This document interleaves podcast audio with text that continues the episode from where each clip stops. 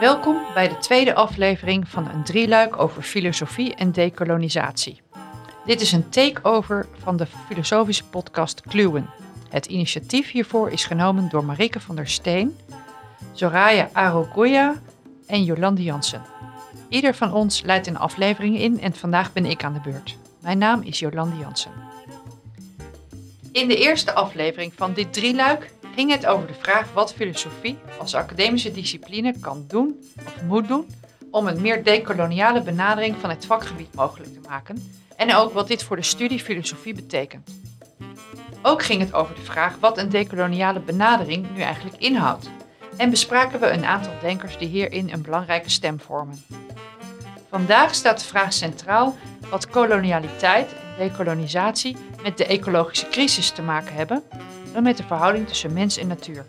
We zullen het onder andere hebben over de notie antropoceen, het werk van Amitav Ghosh over de natuur en over de verbeelding van de natuur en de relatie daarvan met de koloniale geschiedenis. Andere en nieuwe ideeën over de nieuwe wereld, over emoties en klimaatactivisme en over reparaties en herstelbetalingen. De deelnemers aan het gesprek vandaag zijn Jasmijn Leeuwenkamp, Fransjo Guadeloupe en Harriet Bergman. Jasmijn promoveert aan de Universiteit van Amsterdam op een filosofisch onderzoek naar hoe de mens in de mensenrechten met de mens in het antropoceen samenhangt. Het antropoceen wordt gedefinieerd als het tijdperk waarin de mens zelf een geologische factor is die de aarde beïnvloedt. Fransje Guadeloupe is antropoloog en socioloog.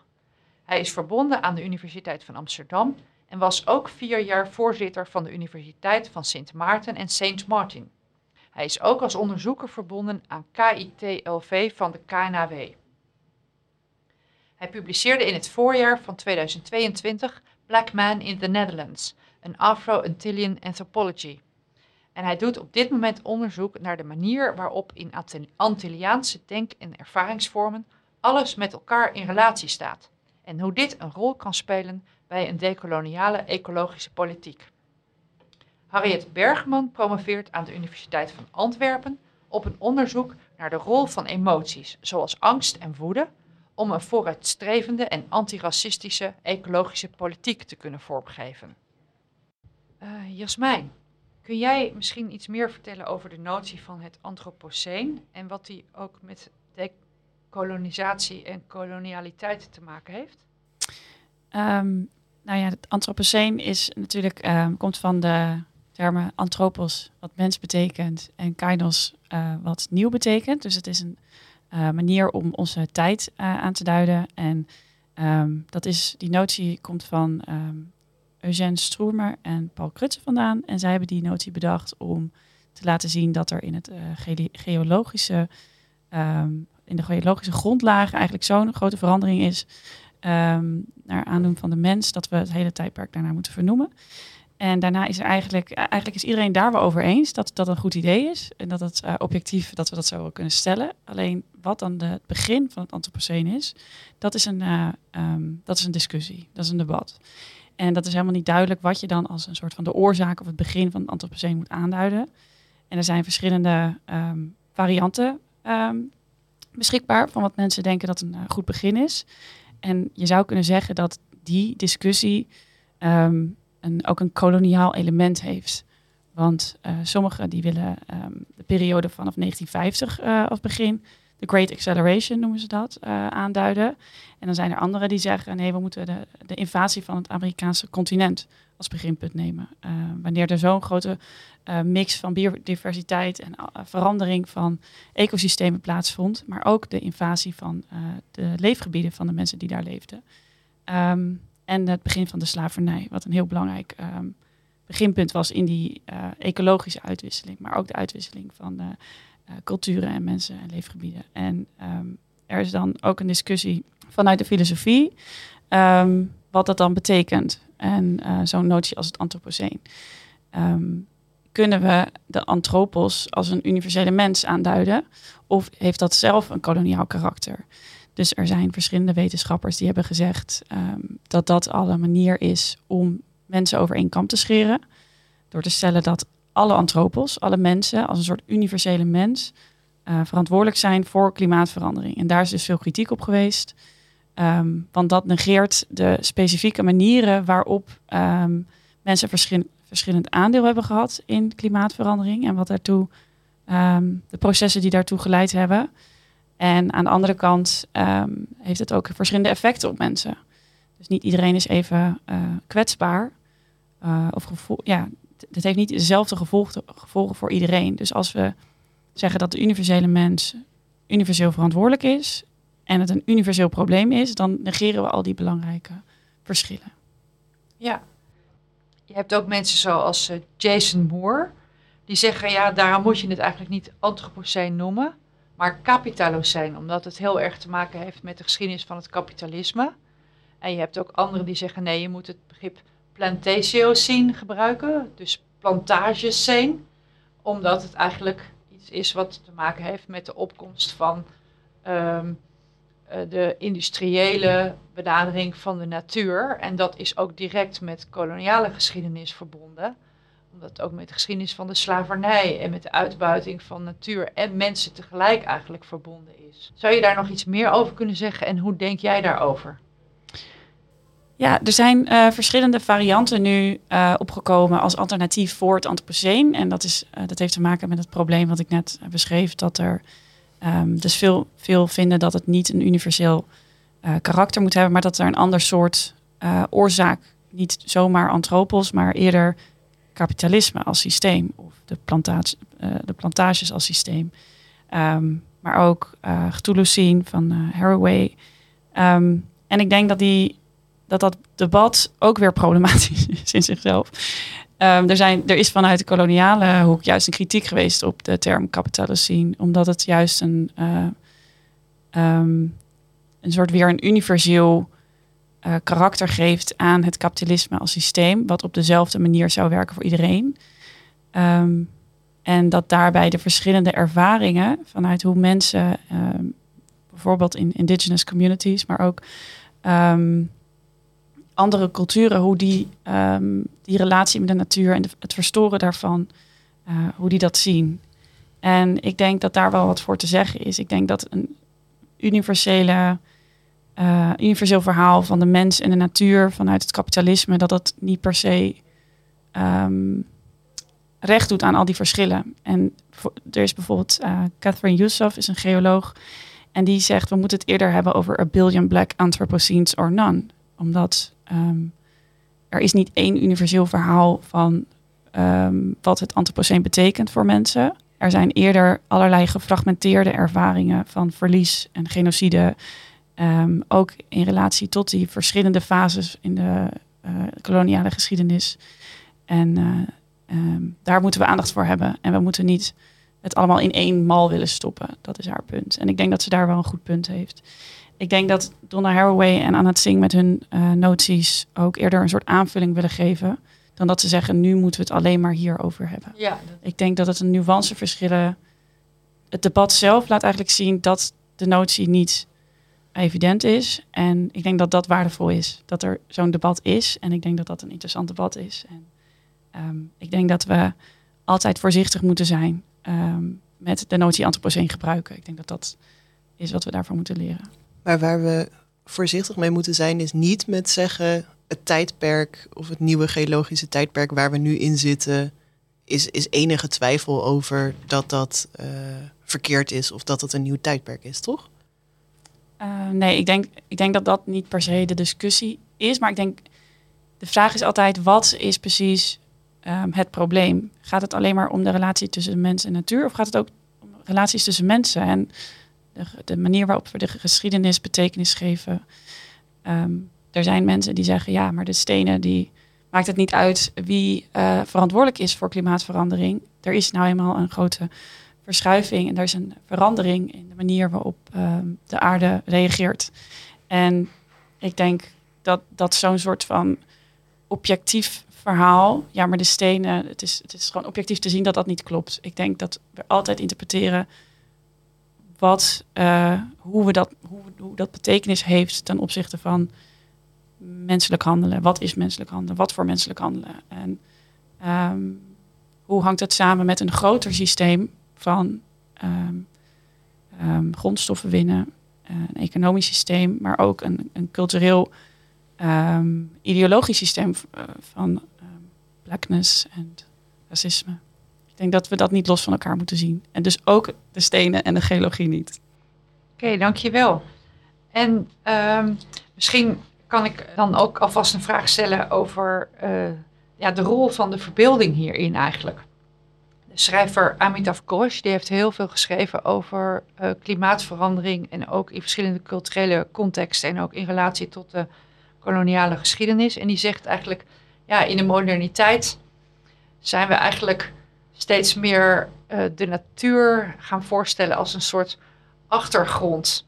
Um, een decor wat volgens eigenlijk rustige wetten verloopt, terwijl het drama zit in de menselijke geschiedenis. Dat zie je ook heel erg in de geschiedenis van de roman. En um, daar moeten we proberen om weer beweging in te krijgen, want die verbeelding speelt een heel grote rol in dat we niet zien wat er aan de hand is. Um, is iemand van jullie die daar graag iets over zou willen zeggen of op zou willen, willen reageren?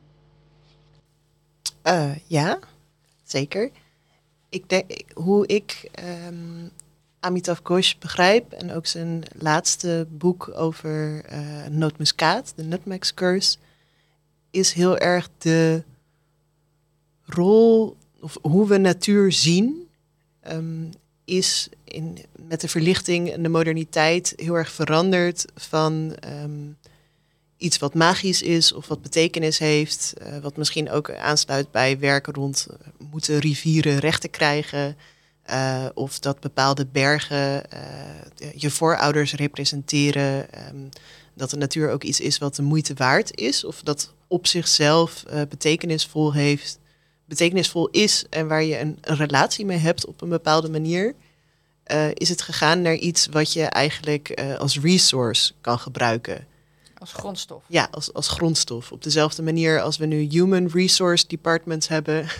Uh, wat uh, volgens mij een, een, een vergelijkbaar kwalijke uh, soort van manier is om na te denken over ja, mensen die op zichzelf waarde hebben en niet alleen een, een resource zijn die door de HR-afdeling gemanaged moet worden.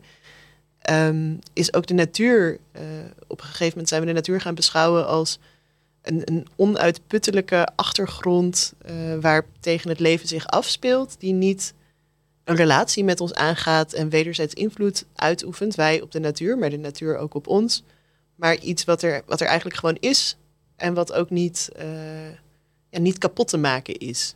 Terwijl dat natuurlijk op geen enkele wijze klopt.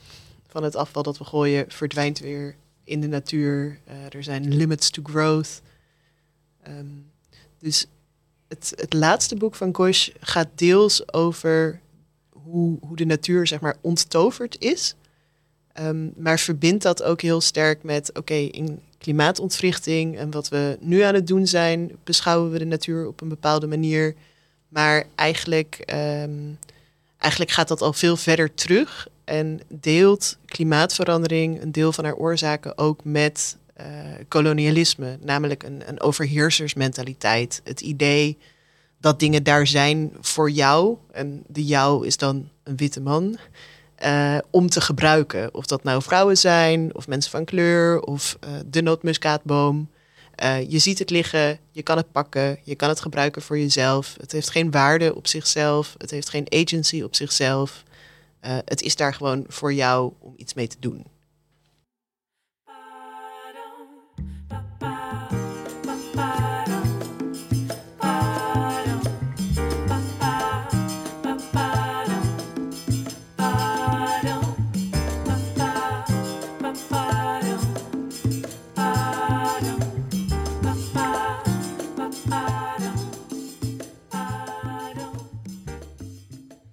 Um, goedemiddag nogmaals en, en, bedankt Marike en Jolanda dat ik hier uh, mag meedoen aan, dit gesprek. Um, ik doe antropologie. En bij antropologen is de antropos niet de mens. De antropos is breder dan de mens. De antropos zijn fenomenen die rechtop lopen en die uh, een vorm van bewustzijn hebben die talig is.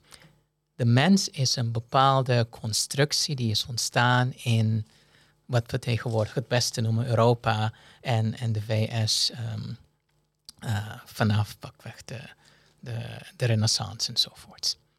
Um, dus daardoor zou ik denken dat we voorzichtig moeten zijn met het volledige deconstrueren van de antropoceen.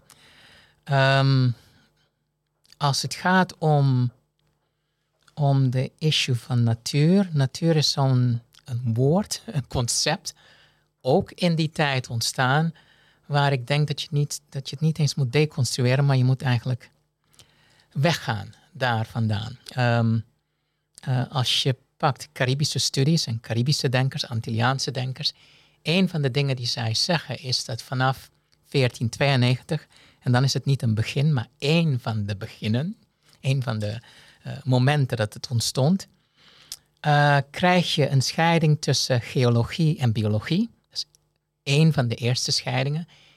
En daarna krijg je een idee van natuur en cultuur. Beide willen ze vanaf.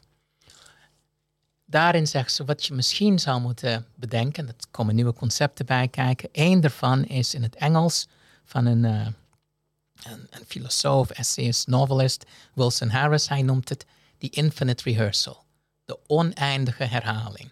De oneindige herhaling zijn uitingen die continu leven doen ontstaan. En dan kun je niet afvragen waar komt die uiting vandaan. Die uiting komt van een andere uiting. Een relatie van verschillende uitingen. Daar ontstaat het leven. Eén van die uitingen zijn wij. En wij zijn niet een ding, maar wij mensen. Be human, like a plant plants. Vanuit dat optiek proberen Antilliaanse denkers anders om te gaan met dit situatie waarin we ons bevinden, waarin er orkanen wel uh, er zijn die sterker worden, waardoor mensen eigenlijk leed hebben en je kan het historiseren. Maar mag ik iets vragen? Voilà. Ik snap niet als je zegt uh, be human, wees menselijk zoals een, een mens mens is of een plant een plant is. Zei je dat nou? Misschien moet ik, moet ik het beter uitleggen. Wat wij doen, want het gaat om doen continu. Mm -hmm. Wij zijn aan, het, zijn aan het mensen. We're humaning. Some, another phenomena, plants, is planting. Another phenomena is dogging. Vanuit die optiek denken ze. Want ze denken het moment dat je denkt mens en dier, dan zit je in dat koloniale spel. Het moment dat je denkt natuur en cultuur, zit je in dat koloniale spel. Het moment dat je geologie denkt en biologie, dan zit je in dat koloniale spel. Dus het is een manier om niet, niet die onderscheiden zo sterk te maken. Of om uit, dat, uit die koloniale onderscheiden te komen? Het is een manier, of in ieder geval een omroep, om te denken. Om weer te denken. Om buiten de koloniale erfenis te denken. En het is niet, sorry dat ik hier zo doorga, want het, het is dus niet van, oh de mens menst, dus kunnen we de mens vergeven wat, uh, wat hij op dit moment ook aan het doen is. Of het is inherent aan de mens dat hij menst, dus dat we nu uh, in deze klimaatcrisis zitten. Uh, is een soort van, dat is het niet, toch? Dat is, dat is het niet, omdat je dan een, een, een noun hebt, een zelfstandig naamwoord, die iets doet. Ja. Het begint met er zijn dingen die gedaan worden. Dus in de beginning, wat niet een beginning is, zijn er daden. Dingen die gedaan worden.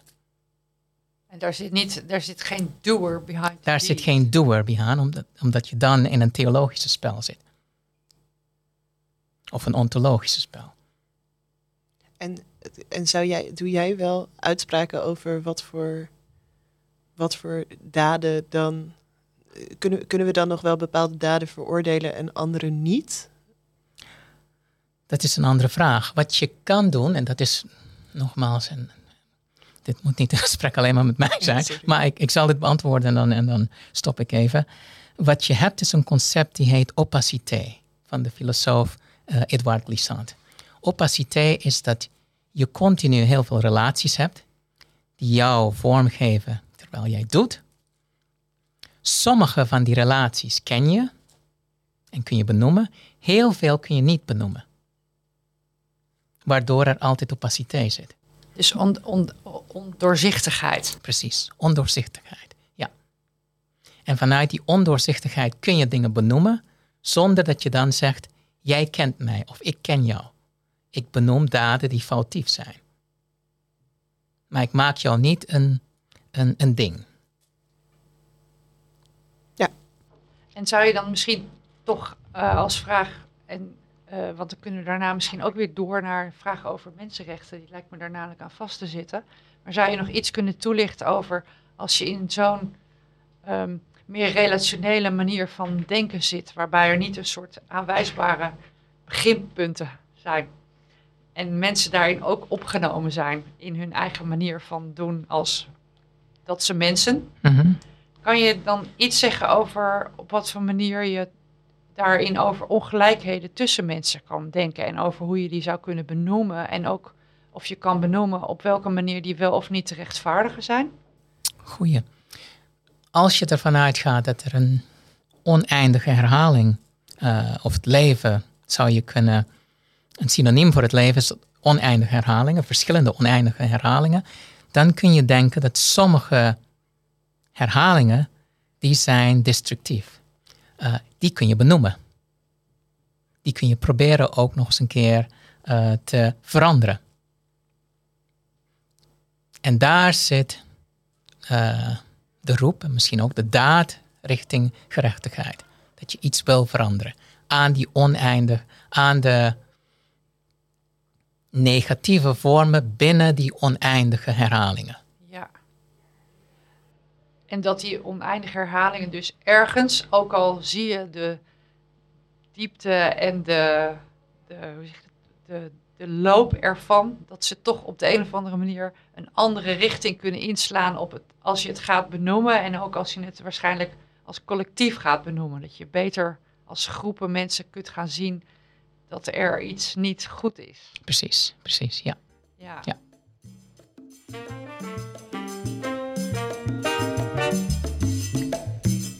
En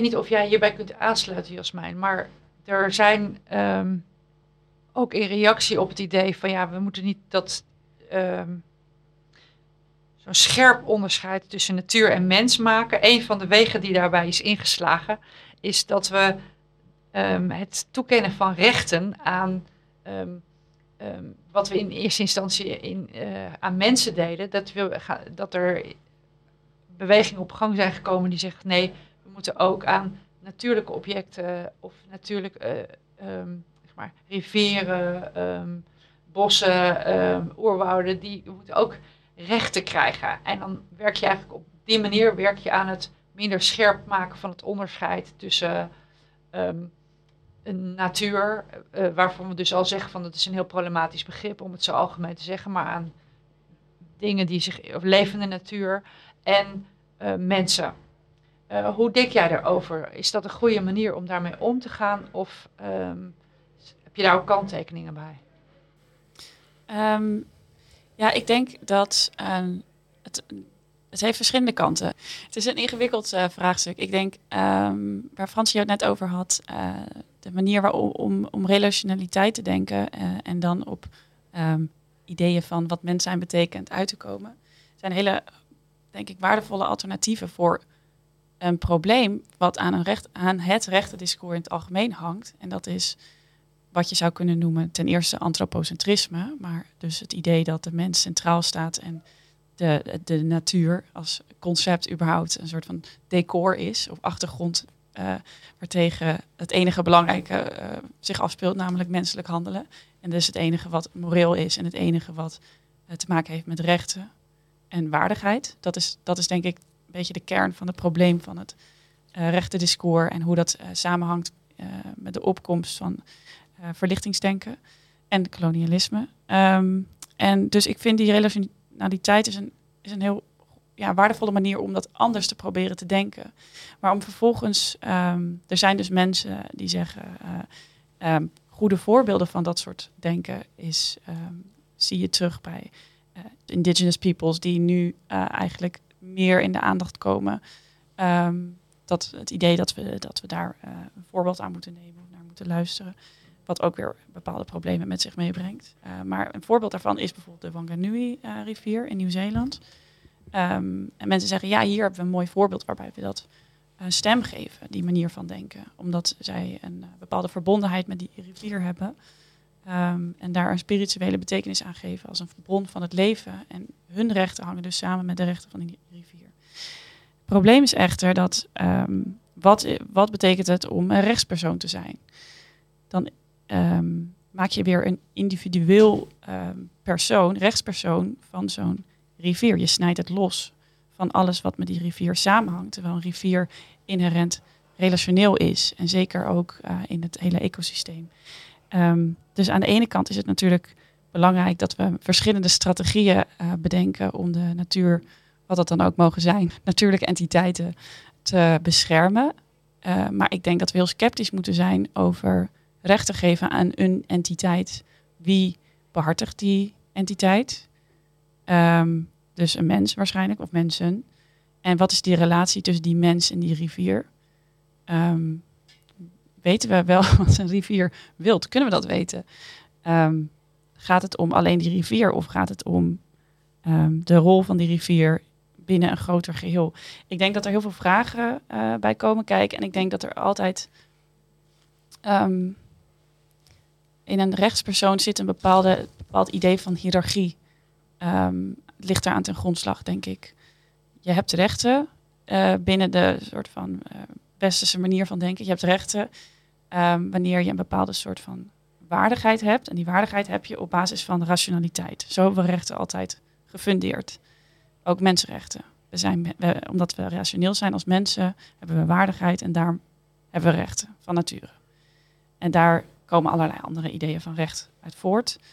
Um, dus het idee dat we dan kunnen zeggen, we moeten deze entiteiten rechten geven, omdat ze, is dat dan omdat ze een instrumentele functie hebben voor de enige waardige wezens, namelijk mensen, omdat wij rivieren nodig hebben? Of vinden we dat rivieren een bepaald karakter, eigenschap hebben die ook waardevol is? Um, dus wat is, de, wat is de soort van um, rationalisering of het verhaal wat een grondslag ligt aan dat idee van rechten voor de natuur? ik denk dat we daar heel dat heel kritisch moeten analyseren. En we moeten ons afvragen in relatie tot waar Fransje het net over had. Wat floreert bij dit verhaal en wat wordt uh, behoudt een bepaalde destructieve relatie, bijvoorbeeld economische belangen. Wordt het één belang van de rivier of het bos tegenover een bedrijf, een, uh, een overheid die uh, bepaalde grondstoffen wil winnen? Um, in hoe, hoe sterk is die stem dan? Wie gaat dat behartigen? Met welke belangen? het is heel ingewikkeld, maar ja, ik denk dat het belangrijke vragen zijn. Ik denk dat we niet te enthousiast moeten zijn bij dit soort initiatieven en daarbij een soort uh, ja, niet genoeg aandacht hebben voor de problemen die er ook mee te paard gaan. Ik weet niet hoe jullie hierover denken. Nou, ik heb, het doet mij heel sterk denken aan um, uh, initiatieven tot natuurbehoud. Dus aan de ene kant heb je met dat rechten toekennen aan iemand of iets überhaupt nog niet zoveel oplost. Want heel veel mensen hebben rechten, uh, heel veel verdragen eh, stellen dat mensen dingen mogen krijgen. En nou ja, die titel alleen is natuurlijk bij verre na niet genoeg om te maken dat die rechten ook echt beschermd worden of serieus genomen worden. Ik bedoel, de Nederlandse staat zelf houdt zich niet aan de uitspraak van Urgenda om uh, iets te doen. Dus wat dat betreft uh, losse rechten dingen op. Maar ik moest ook heel erg denken aan um, dat groene kolonialisme. Um, omdat er een specifiek boek is uitgekomen over natuurparken in Afrika. Dus natuur die beschermd wordt. Uh, waarbij het heel erg de vraag is van beschermd tegen wie? Uh, beschermd door wie? En wat is de staat waarin zo'n natuurpark, weet je wel, dat is op zich al een raar concept.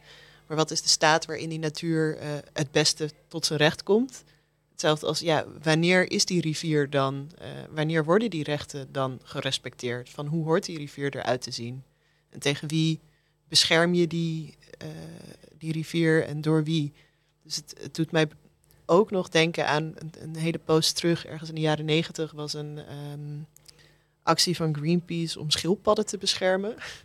Ehm, waarbij eigenlijk die schildpadden beschermd werden tegen uh, inheemse mensen die honger hadden en die door extreme hongersnood uh, richting die schildpadden kwamen om daar. Nou, dus basically dat, dat er heel erg uh, bepaalde dingen werden afgezet tegen elkaar en dingen werden gezien als bedreiging, um, die ook pasten bij het narratief van de mensen die moesten beschermen. dus als je als. en, en verder vind ik Greenpeace natuurlijk fantastisch, maar als je als witte NGO of als witte I love natuurpersoon uh, naar een natuurpark gaat en dan zegt ja, de mensen die hier leven, die hier een, een verhouding hebben tot de natuur, in hun onderhoud voorzien en wat dan ook, ja, die, die kunnen dat niet. Die moeten misschien hier uit. Maar het is wel belangrijk dat ik en mijn vrienden af en toe op olifanten jagen. Want het olifantenpijl, de olifantenpijl moet op de juiste manier in stand gehouden blijven. Dus um, ja, wie wordt beschermd, door wie, wie heeft er baat bij en ook welke dingen kun je überhaupt niet weten, omdat je eigenlijk van buiten komt of niet weet hoe dingen een rol spelen. En bijvoorbeeld met die schildpadden, een aantal van die schildpad-eieren moet gewoon verdwijnen, omdat je anders uh, mega veel overpopulatie hebt en schildpadden ze elkaar opeten en het alsnog een probleem wordt.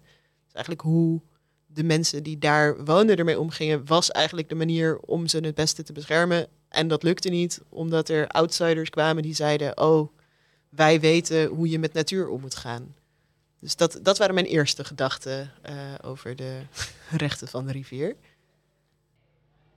Ja, het is natuurlijk ambivalent, want um, bijvoorbeeld in de Nieuw-Zeelandse context is dit juist uh, ook iets waar uh, indigenous peoples enorm voor gestreden hebben elkaar te krijgen. Dus het is ook niet, je kan ook niet zeggen van ja, rechten komen op dit moment alleen maar met een koloniale uh, lading. Ook dat verandert weer en krijgt weer een eigen vorm. Ja, zeker.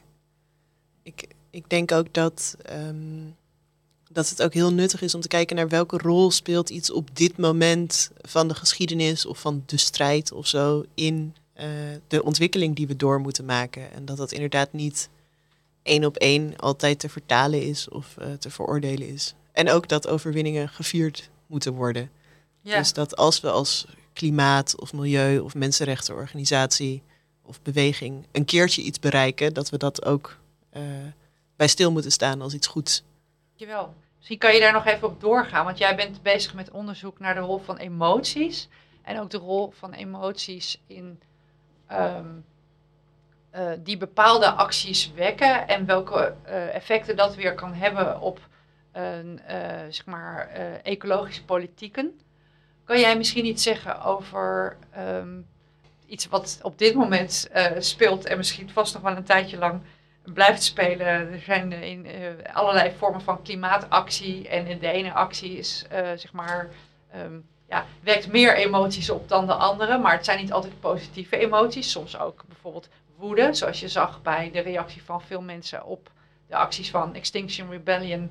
Waarbij ze door kunstwerken aan te vallen aandacht opeisen voor het klimaat. Um, kan je iets zeggen over welke rol emoties in, deze, in dit geheel spelen in jouw ogen? Ja, nee, daar kan ik zeker iets over zeggen. Er zijn de afgelopen tijd natuurlijk uh, veel verschillende um, vormen van protest geweest en manieren om aandacht te vragen voor klimaatontwrichting. En het is opvallend dat eigenlijk een uh, relatief schadeloze en geweldloze actie, zoals die van Just Stop Oil in de National Gallery in Londen met de zonnebloemen van Van Gogh, of uh, die Belgen die zich aan een vermeer uh, probeerden vast te lijmen, dat die zoveel meer aandacht krijgen eigenlijk dan andere vormen van protest het begin van 2022 uh, eh, hebben mensen echt een, een, aanval op een pijpleiding gedaan in, in Canada. Um, er, er zijn ook dat jaar heeft iemand, Wayne Bryce, heeft zichzelf in de fik gezet op de stoep van de Supreme Court op Earth Day. Dus hij heeft ja, self-immolation, hij heeft zichzelf in brand gestoken om aandacht te vragen voor klimaatontwrichting. Er zijn heel veel zitblokkades geweest. Er is een gigantische En de Gelände-actie, dat is directe actie waarbij mensen een uh, kolenmijn binnengaan om de productie stop te zetten. Nou, een heel spectrum aan uh, klimaatactivisme van uh, totaal geweldloos tot toch wel sabotage of ja, die, dingen die, die economische schade toe hebben gebracht. En dat um, eigenlijk die zonnebloemen zoveel meer aandacht kregen dan letterlijk iemand die, zichzelf, ja, die zelfmoord pleegt ten behoeve van het klimaat of 12.000 mensen die directe actie doen. En dat komt denk ik doordat het zo'n symbool is um, van uh, dat, dat eigenlijk de, de analyse van Just Stop Oil is, alles is nu een podium om aandacht te vragen voor klimaatontwrichting. En dat is ook nodig, want we moeten door die laag van normaliteit heen breken. En dat zie je bij die actie, dat, dat, ja, dat mensen echt uh, woest zijn. Uh, en echt zijn van, ja, maar dit gaat te ver. En eigenlijk die reactie is ook wat ze uit willen lokken. Ik bedoel, zijn mensen die uh, het een beetje brachten alsof dat twee domme jonge vrouwen waren die maar wat deden, alsof zij niet zelf hadden bedacht dat de reactie van nu ben je al mijn sympathie kwijt of dit gaat echt te ver, alsof ze ja, niemand, niemand gooit uh, soep op iets of doet een klimaatactie met de veronderstelling dat iedereen daarbij staat te klappen en zegt wow wat fantastisch, je hebt iets illegaals gedaan. Niemand, dat is natuurlijk niet hun analyse. En wat uh, dat eigenlijk doorbreken van die normale gang van zaken en echt die uh, reactie uit willen lokken, dat zie je ook denk ik uit andere strijden in het verleden. En, dat dat effect heeft. Ja, dat dat effect heeft. Um, er is ook onderzoek van, um, ik geloof dat ze de Social Change Lab, dat uh, alle negatieve tegenreactie eigenlijk geen invloed heeft op hoe legitiem klimaatactivisme is of hoe mensen tegenover maatregelen ten behoeve van klimaatbescherming staan. Dus heel veel mensen zeggen wel, ja, Just Stop Oil is nu al mijn sympathie kwijt. Maar ja, wat, wat, wat houdt het precies in dat een actiegroep jouw sympathie kwijt is? En hoeveel was je sympathie waard? Van, ga je nu extra vliegvakanties maken? Of ga je nu meer aandelen kopen in Shell? Of stuur je een boze tweet en was dat het? Dus dat, um, uh, en in het, in het verleden zie je ook dat um, die tension of die disruptie of dat verstoren van de gang van zaken of het creëren van outrage een noodzakelijke stap was in de verandering. En het, het meest treffende voorbeeld vind ik, denk ik, uh, wat Martin Luther King benoemt. Ik bedoel, dat is natuurlijk ook zo'n figuur die bij iedere sociale strijd weer naar voren wordt gehaald van... oh, ik heb ook nog een citaat van Martin Luther King dat mijn eigen standpunten onderschrijft. Terwijl in de tijd dat hij leefde was dat natuurlijk niet zo. Maar die, die zegt ergens wat ik eigenlijk irritanter vind... of wat meer een obstakel voor rechtvaardigheid is dan uh, de KKK of de echte racisten... zijn de white moderates. Die wel zeggen, ik, die zeggen, ik ben het eens met je doel... maar deze methode gaat te ver. En nou ja, dat zie je natuurlijk ook heel duidelijk bij die zonnebloemen. Allemaal mensen die zeggen, ja, klimaat is belangrijk, maar hoe? Je zult maar een keertje zonder mensen aan te vallen, zonder zware economische schade te doen, zonder uh, te maken dat ik, weet je wel, mensen kwamen niet eens te laat op hun werk door deze actie, wat normaal nog een soort van commentaar is op klimaatactivisme. Van je zult maar strikt geweldloos zoveel aandacht vragen voor het klimaat. Nee, dat kan echt niet. En kan je dan iets zeggen over hoe je op deze manier dan iets in beweging krijgt wat je anders niet in beweging krijgt? Ja, ja dus het is deels dat er aandacht komt voor het klimaat, maar dat op zich is niet uh, de beweging die ik aanmoedig, omdat ik denk dat het niet alleen gaat om aandacht en informatie, maar dat het gaat om um, het doorbreken van het idee dat het normaal is wat er gaande is. Dus dit is in die zin zo'n vreemde actie en zoiets wat mensen echt treft, zeg maar. Of tenminste, uh, bepaalde mensen met een, sloot aan cultureel kapitaal die, die ja, zich verbonden voelen met de National Gallery in Londen. Uh, dat die mensen, en dat zijn ook de mensen met veel invloed en macht en geld, dat die mensen zich getroffen voelen op een bepaalde manier.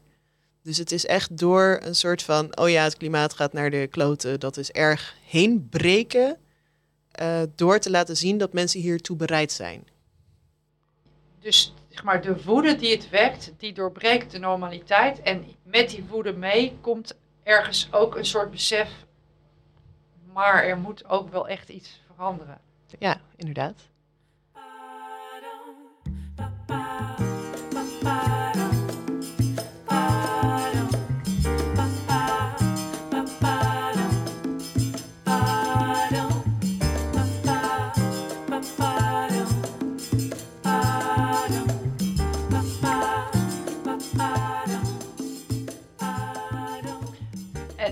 Zeg maar, een andere emotie die ook een rol speelt. eh, Zeg maar, je hebt woede, je hebt ook schaamte, je hebt ook verdriet over het verlies in het verleden. Een van de noties die heel veel opkomt eh, in de literatuur over dekolonisatie is eh, reparatie, dus repair.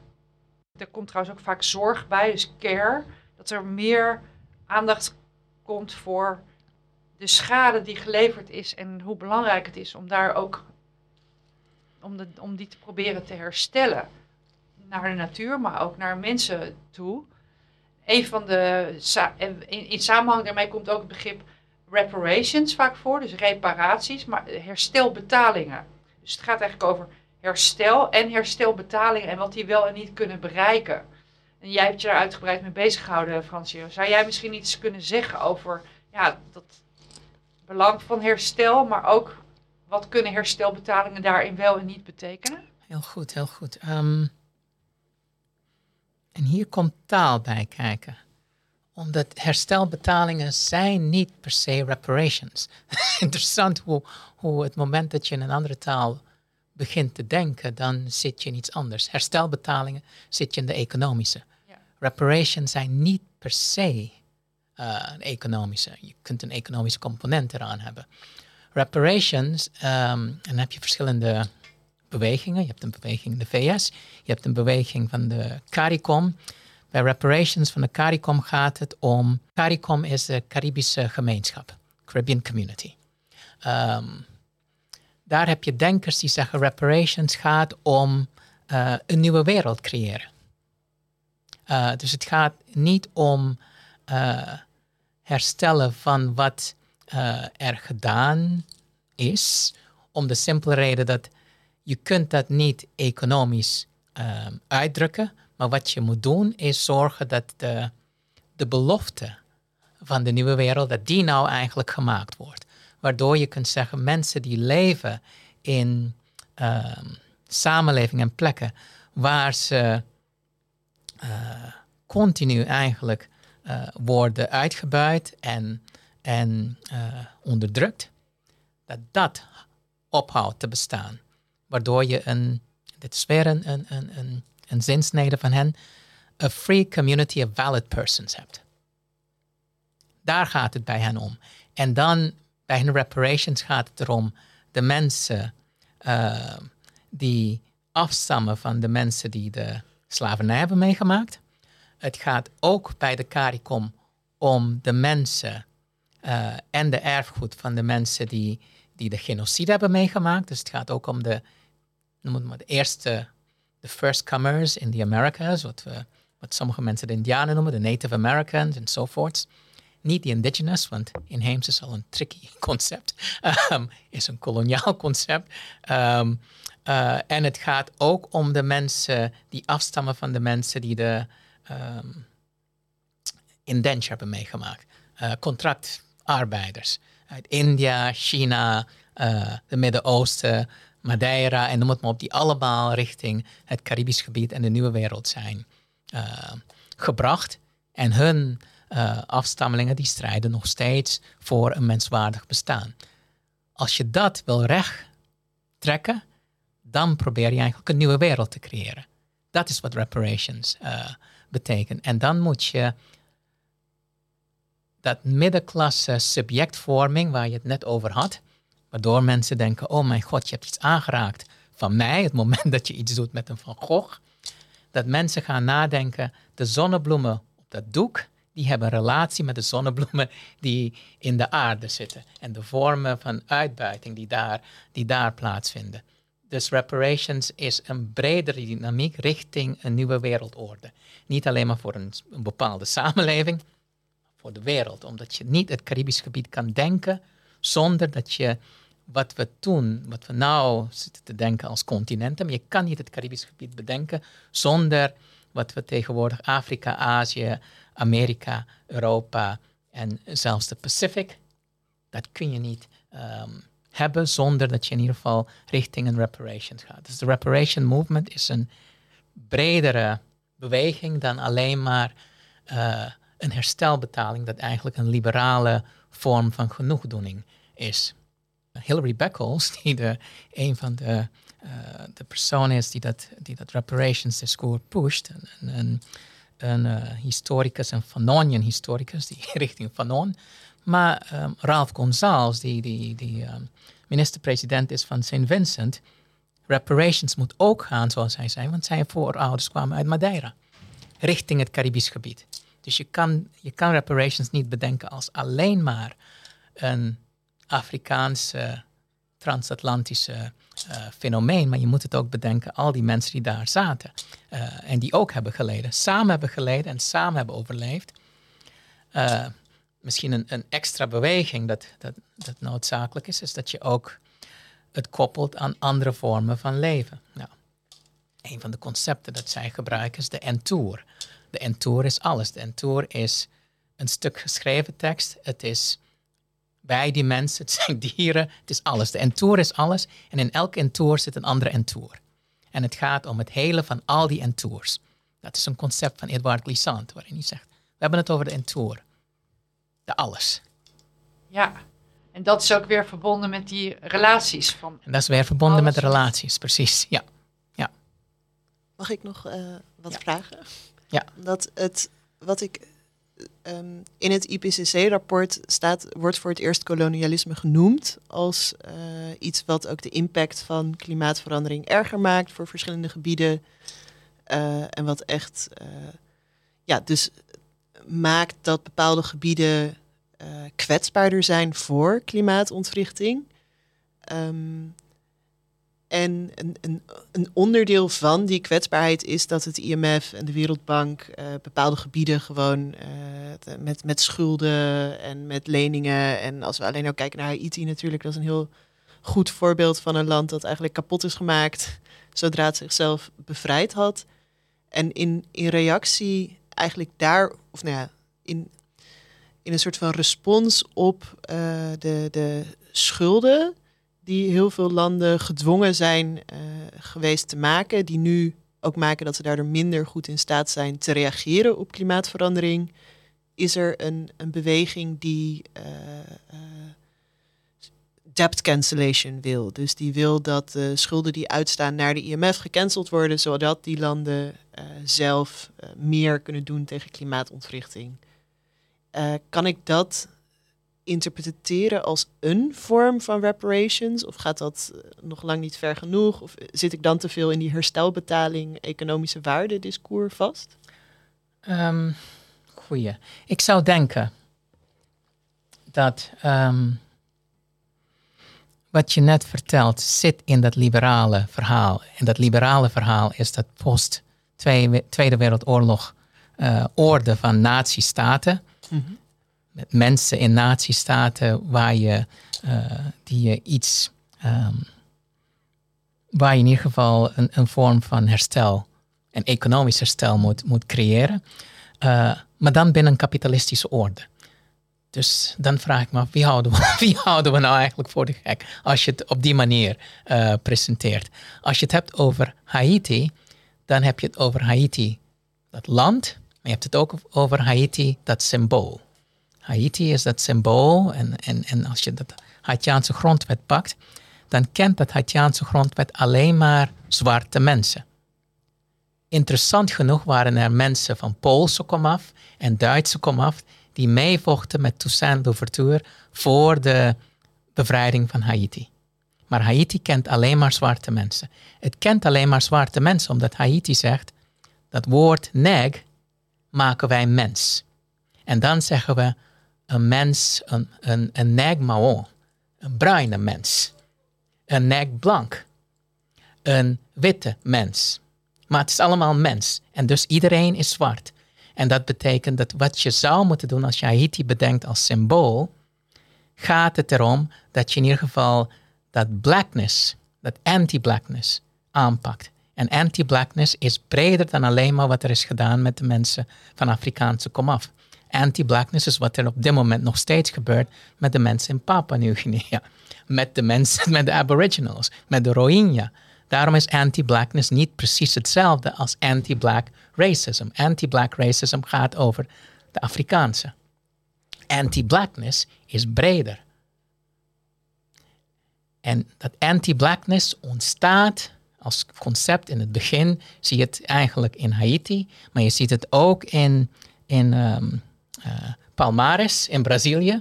Je ziet dat het richting Europa komt. Het moment dat Stuart Hall en die andere political blackness noemen. En political blackness, het moment dat men zegt, jij die uit Bangladesh komt, Sri Lanka, het Caribisch gebied, Ghana en Ieren, we're all black. En wij vechten als political black om eigenlijk bepaalde bevrijdingen te, te, te, te krijgen. Kan je in dat kader nog verder toch toelichten dat anti-blackness? Wat is de kern daarvan? Als je bedenkt dat blackness is niet een kleur, maar blackness is een, uh, een operatie. Een historische operatie, maar ook een, een economische, een, een, een uh, symbolische, een sociale operatie, waarin je bepaalde mensen tot object probeert te maken. Wat uh, Amé Césaire thingification noemde. Het verdingen van mensen. Het proberen een ding te maken van mensen. het moment dat je hen probeert object te maken en je zegt, nou ben jij object. Jij bent nou menselijke vee, chattel. Dan kun je doen en laten met hen wat je wilt. Dat is blackness. Dat is anti-blackness. En dus moet je proberen om die blackness te bestrijden. De operaties waarin er van het leven dingen worden gemaakt, objecten. Dat je kunt gebruiken, onderdrukken en noem het maar op. En daar zit land ook bij. Daarom is land niet territorium. Ja, dat wou ik net vragen. Van, kan je dan misschien ehm, anti-blackness heeft dan eigenlijk ook bijna een soort directe link ook met ecologie in de zin dat er um, um, het tot, want je noemde net het leven. Je zei niet mensen tot dingen maken, maar het leven het tot leven. dingen maken. Ja, precies. Dat je dingen, dat je leven reduceert tot dingen en dat kan dus ook niet mensen. Ja, dat is natuurlijk niet mensen ook. Het zijn alle, alle vormen van leven, maar ook tegelijkertijd dat je probeert ook um, uh, dat dooien te koloniseren. En dat is, wat, dat is wat die minerale extractie is uiteindelijk. Dat is wat olie is. Dat is wat de, de winning van, van, van steenkool is. Het is ook het, is het koloniseren van het leven. En ook nog eens een keer controle van de dood. Je hebt geen respect voor niks. En anti-blackness, het strijden tegen anti-blackness, is dat je weer respect krijgt. En dat is de New World Order. Dat zou de New World Order moeten zijn. Ja. Daarom in plaats van black people zegt men the blackened. The blackened earth, the blackened people. Uh, ik denk dat wat heel interessant is aan uh, de, uh, antropocentrisme discussie is heel lang los geweest van de kolonialisme discussie of de blackness discussie. En ik denk dat hoe jij het net uitlegt heel goed laat zien hoe deze twee dingen met elkaar verweven zijn. Dus de reducering van um, de natuur tot ding is niet helemaal los te zien van dezelfde soort van reducering van mensen tot object en dieren tot object. En het gaat om een soort hiërarchische uh, manier van denken, logica, waarin um, alles wat tot de natuur wordt gerekend, en de natuur in een brede zin, dus ook vrouwen in de geschiedenis, uh, dieren, grondstoffen, um, en heel veel mensen, uh, dat die beweging, het tot natuur reduceren, dus niet anders is dan um, het, de natuur als decor zien. En als we dus een ander soort relatie met natuur aan willen gaan, dan betekent dat ook dat we een hele andere relatie met mensen aangaan. En met andere niet, uh, met niet-mensen, dus uh, dieren, en planten, et cetera. Dus daarom, die term niet-mensen is ook weer problematisch, omdat je weer de mensen centraal zet. Maar um, ja, ik denk dat leven een mooie manier is om uh, daarnaar te kijken. Maar ik denk dat het dus heel belangrijk is dat we ook in de filosofie, maar ook daarbuiten de discussies, ehm, met elkaar in dialoog brengen of met elkaar verbinden. Dus dat, ja, dat vind ik waardevol hier. Ja, en in dat opzicht denk ik dat het ook heel belangrijk is dat een van de aspecten wat filosofie kan doen om te dekoloniseren is niet gewoon filosofie als discipline blijven, maar zien hoe ontzettend belangrijk het is om de grenzen met andere vakgebieden en manieren van kennen en uh, denken en poëzie, om daar zeg maar, minder scherpe grenzen te maken en juist iedere keer te kijken naar op wat voor manier krijg je die verbondenheden tussen levende wezens en respect ook voor de niet levende natuur. Hoe krijg je dat weer op de ene manier voor het voetlicht? En, het, uh, en kun je ook reflecteren op de rol die filosofie er juist ook in gespeeld heeft om dat respect te verliezen. Door die nadrukkelijke nadruk op, door de nadruk op menselijke geschiedenis en het zich, nou ja, de hele filosofiegeschiedenis heeft hier natuurlijk een rol in gespeeld in het, in het denken over um, en in de praktijken die daarmee verbonden zijn van de moderniteit.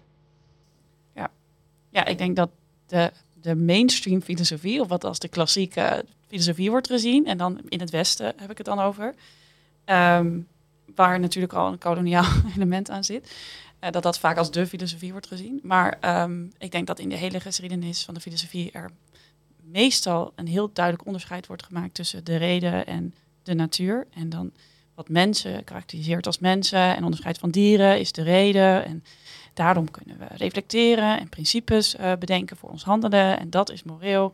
En ik denk dat dat, dat in zichzelf al heel vaak daaraan voorbij is gegaan. Um, wat dat betekent. Um, dus ik denk dat, dat we heel. het wordt, we moeten heel kritisch naar de geschiedenis van de filosofie kijken. Um, het is altijd een soort machtsverhouding die natuurlijk ook is ingesteld. Uh, waarbij de mens graag zichzelf als de top of the chain of being uh, heeft gezien. En datgene wat um, een soort van roeping op aarde heeft om alles te domineren en controleren. Ja, ik denk dat, dus dat de filosofie heeft een probleem in dit opzicht, denk ik.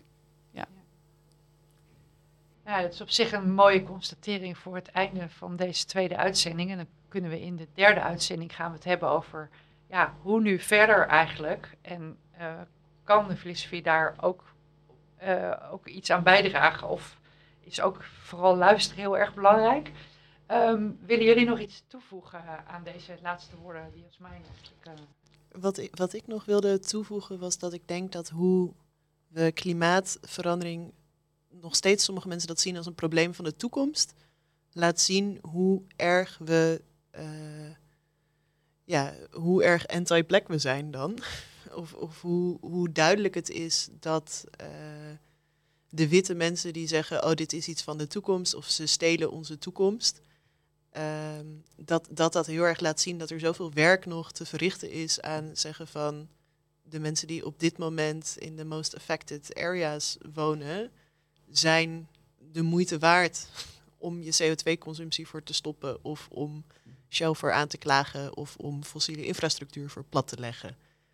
Um, dus uh, eigenlijk, uh, ja, eigenlijk mijn, mijn, ik zou willen eindigen met een uh, oproep om activisme niet alleen voor het behoud van een toekomst, maar ook voor het behoud van mensen die nu al slachtoffer zijn van klimaatontwrichting. Barricade op.